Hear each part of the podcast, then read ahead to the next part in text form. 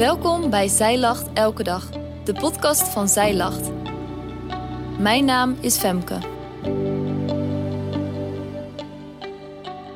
Dit is de overdenking van 15 februari, geschreven door schrijfster Danielle Geneugelijk. Geen mens is zonder zonde. Zo, dat is best een pittige uitspraak.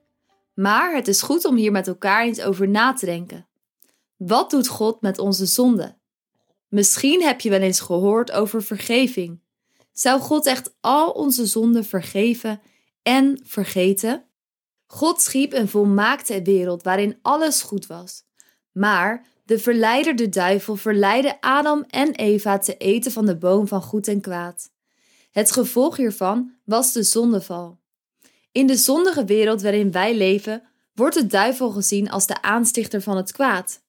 Maar wij als mensen zijn ook zo vergroeid met het kwaad dat we in onze manier van leven zondig zijn. Zonde gaat over hoe wij als mens ons doel missen. Datgene waarvoor wij gemaakt en bedoeld zijn. Dat is namelijk om in volledige harmonie met God te leven. Door de zondeval leven we in een verstoorde relatie met God. Vanuit die verstoorde relatie doen we dingen die niet goed zijn voor onszelf, onze omgeving en voor God. God daarentegen is rechtvaardig en rein. Hij kan onze zonden niet verdragen. Hoe kunnen we deze relatie met God herstellen als Hij onze zonden niet kan verdragen? In het Oude Testament waren er verschillende offers die de priesters moesten brengen voor de verzoening van zonde. Dit stond beschreven in het Oude Verbond dat God had met zijn volk Israël.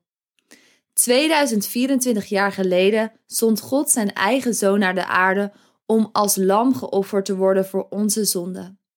Hiermee sluit God een nieuw verbond met zowel zijn volk als de heidenen. In Colossense 1, vers 13 en 14 staat omschreven wat dit inhoudt. Daar staat: Hij heeft ons getrokken uit de macht van de duisternis en ons overgezet in het koninkrijk van de zoon van zijn liefde.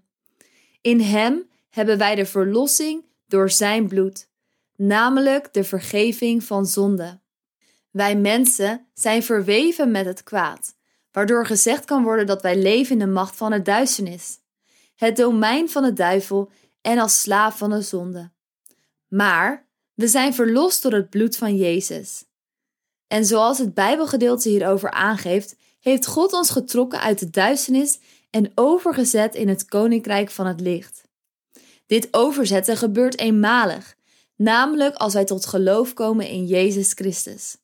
De Bijbel leert ons dat met het sterven van Christus de straf op de zonde betaald is en daardoor de gelovigen, zij die in Christus zijn, vergeven van zonde en kwijtschelding van straf ontvangen.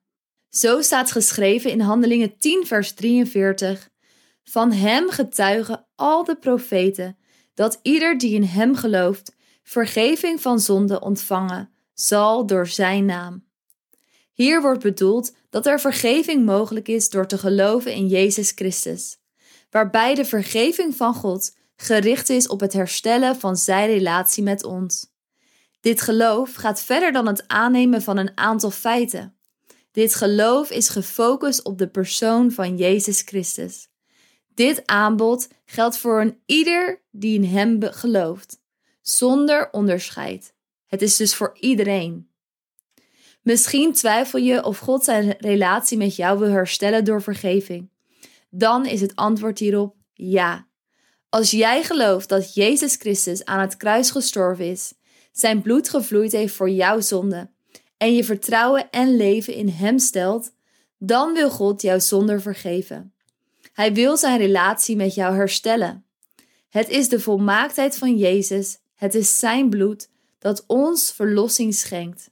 Gods vergeving hangt niet af van onze goedheid, maar van de volmaaktheid van Jezus Christus. Wat een heerlijk nieuws! Door het bloed van Jezus kunnen we eigenlijk zeggen dat Hij onze zonde al vergeven heeft. Maar God kan de relatie niet herstellen als wij dat niet willen.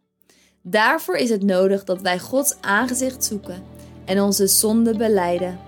Daarover in de volgende overdenking meer.